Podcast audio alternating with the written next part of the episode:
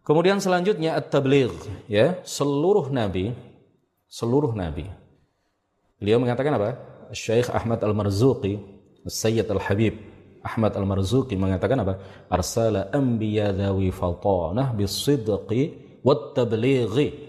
Seluruh nabi, baik nabi yang rasul maupun nabi yang bukan rasul, ya, baik nabi yang rasul maupun nabi yang bukan rasul, semuanya menyampaikan wahyu yang Allah turunkan kepada mereka kepada umatnya.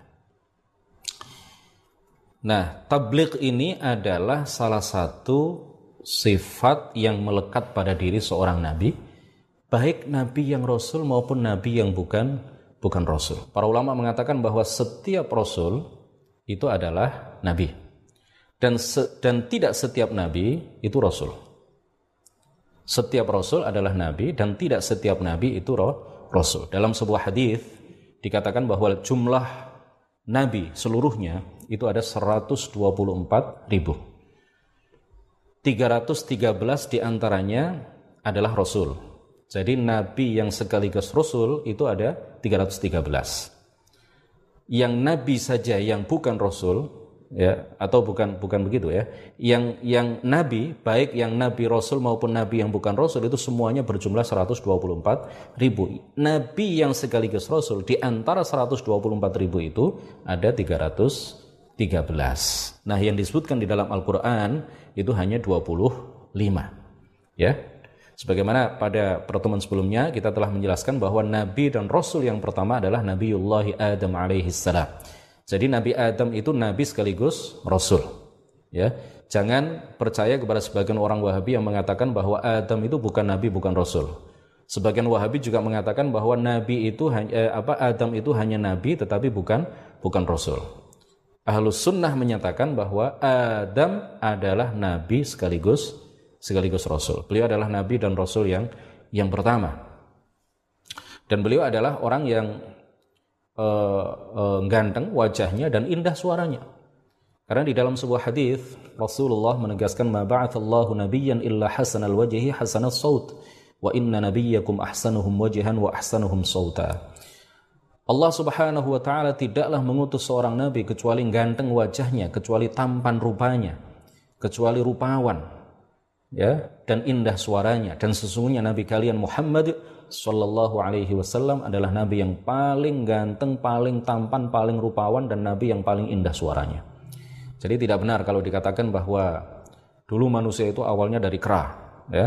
Kalau pernyataan ini dibenarkan, itu artinya menuduh manusia pertama yang Allah ciptakan ya yaitu Nabi Adam alaihi salam itu mirip kera. Jadi nggak benar itu ya. Nabi Adam adalah orang yang ganteng, orang yang rupawan, bahkan beliau menguasai seluruh bahasa di dunia. Ya, beliau menguasai seluruh bahasa di dunia. Beliau bisa berpakaian, beliau bisa bercocok tanam, dan beliau mengajarkan cara bertani dan bercocok tanam kepada anak keturunan beliau. Dan beliau adalah orang yang indah suaranya. Beliau bisa berpakaian dengan pakaian yang layak, ya. Beliau bisa uh, Allah Subhanahu wa taala mengajarkan kepada beliau untuk bisa. Bagaimana berpakaian yang uh, sopan, berpakaian yang layak ya, layaknya seorang seorang nabi. Jadi tidak benar kalau eh, manusia-manusia pertama dulu itu seperti kera ya atau mirip seperti kera digambarkan di dalam beberapa buku itu. Kemudian e, seperti ini ya bungkuk seperti ini. Lalu berevolusi lama kelamaan kemudian menjadi tegak tegak dan kemudian tegak ya betul-betul tegak seperti manusia pada masa sekarang nah, ini tidaklah benar ya karena Nabi Adam sebagai manusia pertama yang Allah ciptakan adalah orang yang hasanal wajhi hasanas saut. Rupawan dan indah suaranya. Nah, perlu kita sampaikan bahwa e, perbedaan antara nabi dan rasul yang disampaikan oleh banyak orang ya di kitab-kitab fikih termasuk di di kitab-kitab fikih yang diajarkan di pesantren ini sebenarnya adalah definisi tentang nabi terutama ini adalah definisi yang problematik. Ini adalah sebuah definisi yang iskal ya menurut beberapa orang ahli tahqiq, ahli tadqiq ya. Menurut para ulama yang uh, mutaqaddimin ya, beberapa ulama yang mutaqaddimin uh, seperti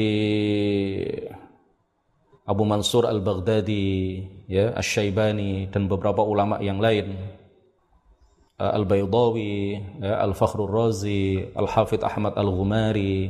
Ini menyatakan, mereka mengatakan bahwa termasuk juga Al-Bayadi Al-Hanafi, mereka mengatakan bahwa definisi Nabi uh, itu yang sesuai dengan Al-Quran dan Hadis dan sesuai dengan akal sehat adalah apa?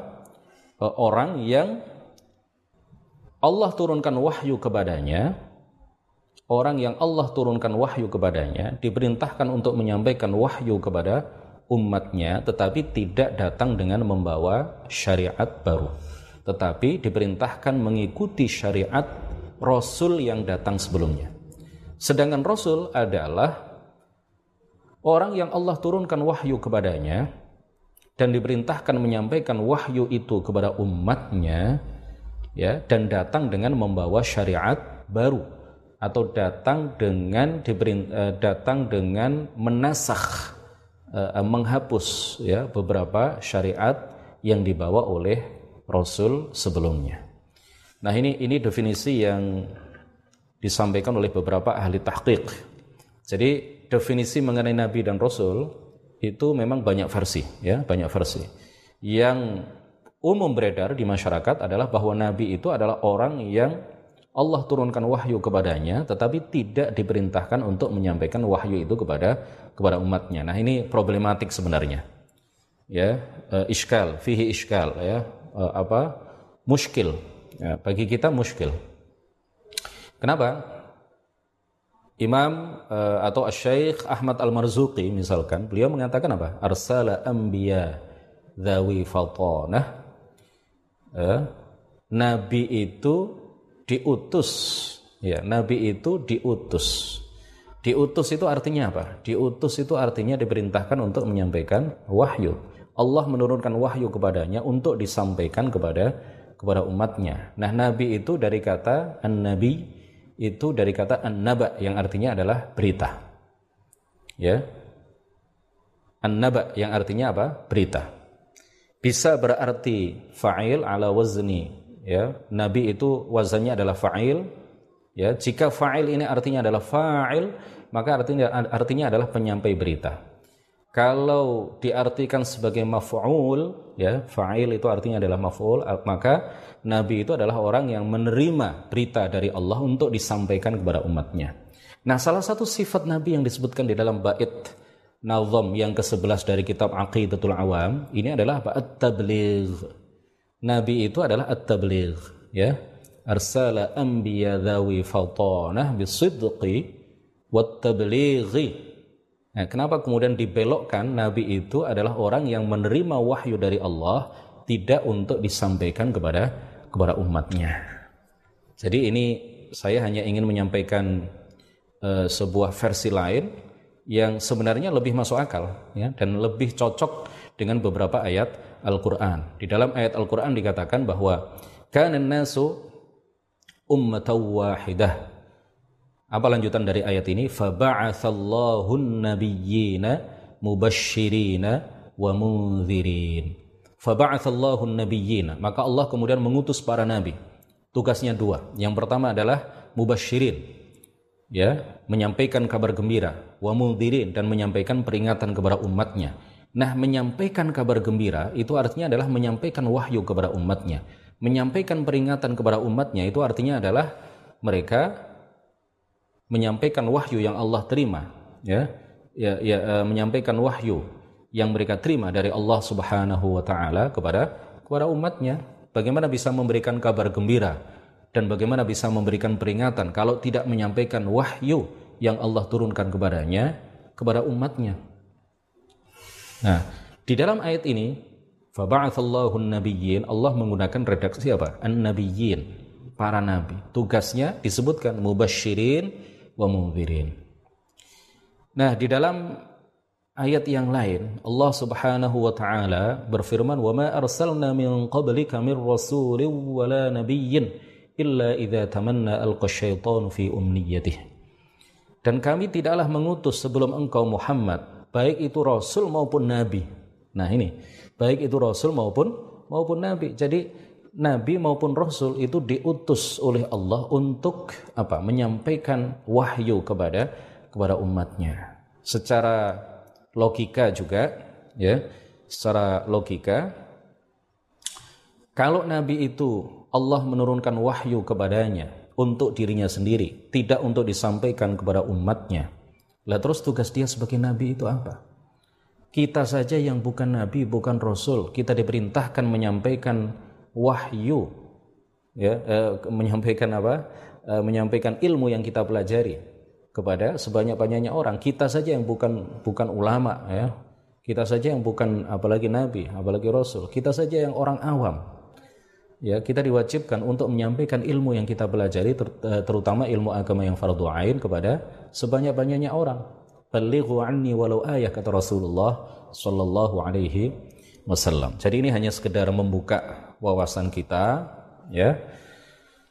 Uh, meskipun definisi nabi itu sudah definisi yang umum ya e, disampaikan di beberapa tempat ya terutama di Indonesia itu sudah populer tetapi ada juga definisi lain versi lain yang disampaikan oleh beberapa orang ulama yang sama-sama adalah ahlus sunnati wal jamaah kemudian di dalam sebuah hadis riwayat al Bukhari Rasulullah Shallallahu Alaihi Wasallam bersabda, "Kanan Nabiyyu yub'atsu ila qaumihi khassah wa bu'ithtu ila nasi 'ammah adalah nabi sebelum aku kata Rasulullah yub'atsu ila qaumihi khassah di sini menggunakan redaksi apa nabi Nabi itu diutus kepada kaumnya. Nah, diutus kepada kaumnya itu artinya adalah apa? Di, diperintahkan untuk menyampaikan wahyu kepada kepada umatnya.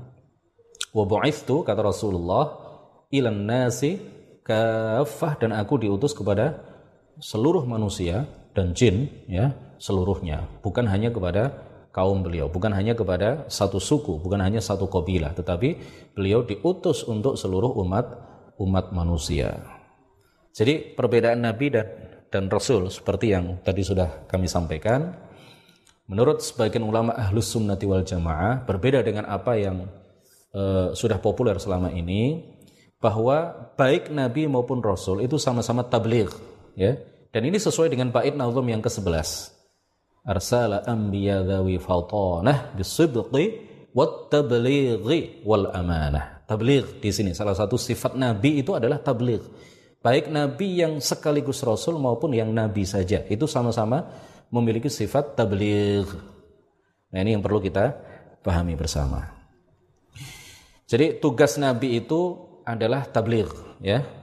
Nah, ini perlu kita sampaikan juga bahwa di dalam ayat Al-Qur'an Allah Subhanahu wa taala berfirman wa fahal 'alar rusuli illal balaghul mubin. Maka tidaklah atas para rasul itu kecuali menyampaikan amanat Allah ya menyampaikan wahyu dengan terang kepada umatnya. Ya, jadi nabi atau rasul itu tidak bisa menciptakan hidayah pada hati orang-orang yang didakwai. Nabi itu tidak bisa menciptakan apa-apa.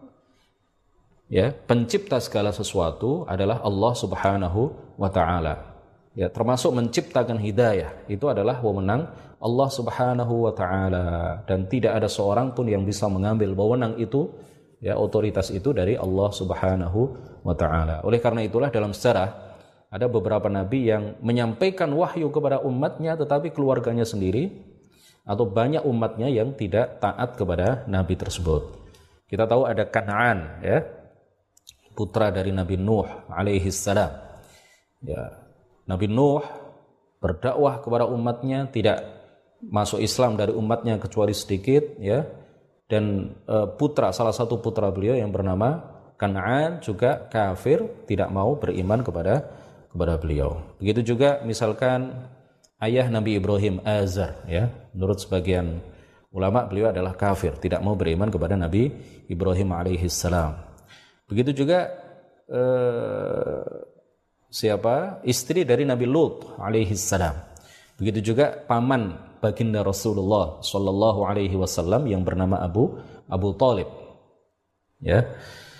Allah Subhanahu wa taala berfirman innaka la tahdi man ahbabta walakin Allah yahdi man yasha innaka la tahdi man ahbabta artinya adalah engkau wahai Muhammad sesungguhnya tidak bisa menciptakan hidayah pada diri orang-orang yang engkau inginkan orang-orang itu dapat hidayah walakin Allah yahdi man yasha akan tetapi Allah lah sang pencipta hidayah itu pada diri orang-orang yang ia kehendaki.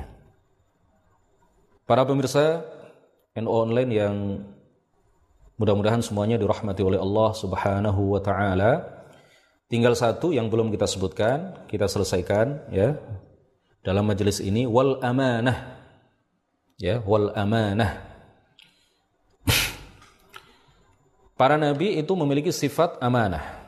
Ya, tidak ada satupun nabi itu yang khianah dalam masalah dunia ya misalkan eh, nabi itu seorang nabi kalau dititipi barang oleh eh, orang-orang di sekitarnya pasti akan menjaga barang itu dengan penuh amanah makanya ketika Rasulullah Shallallahu Alaihi Wasallam hijrah dari Mekah menuju ke Madinah ditemani oleh sahabat mulia beliau Sayyiduna Abu Bakr Siddiq radhiyallahu anhu Rasulullah memerintahkan kepada Sayyiduna Ali bin Abi Thalib ya sepupu beliau dan sekaligus uh, menantu beliau untuk jangan hijrah dulu ya. Kenapa? Beliau perintahkan kepada Sayyidina Ali untuk tidak berhijrah terlebih dahulu dari Mekah menuju Madinah karena banyak titipan-titipan yang dititipkan barang-barang titipan yang dititipkan oleh masyarakat Mekah ya orang-orang kafir Mekah kepada baginda Nabi Muhammad dan belum sempat untuk dikembalikan kepada pemiliknya. Nah ini menunjukkan bahwa Nabi Muhammad adalah al-amin ya, orang yang bisa dipercaya. Bahkan oleh orang-orang yang kemudian mendustakan kenabian beliau, kerasulan beliau.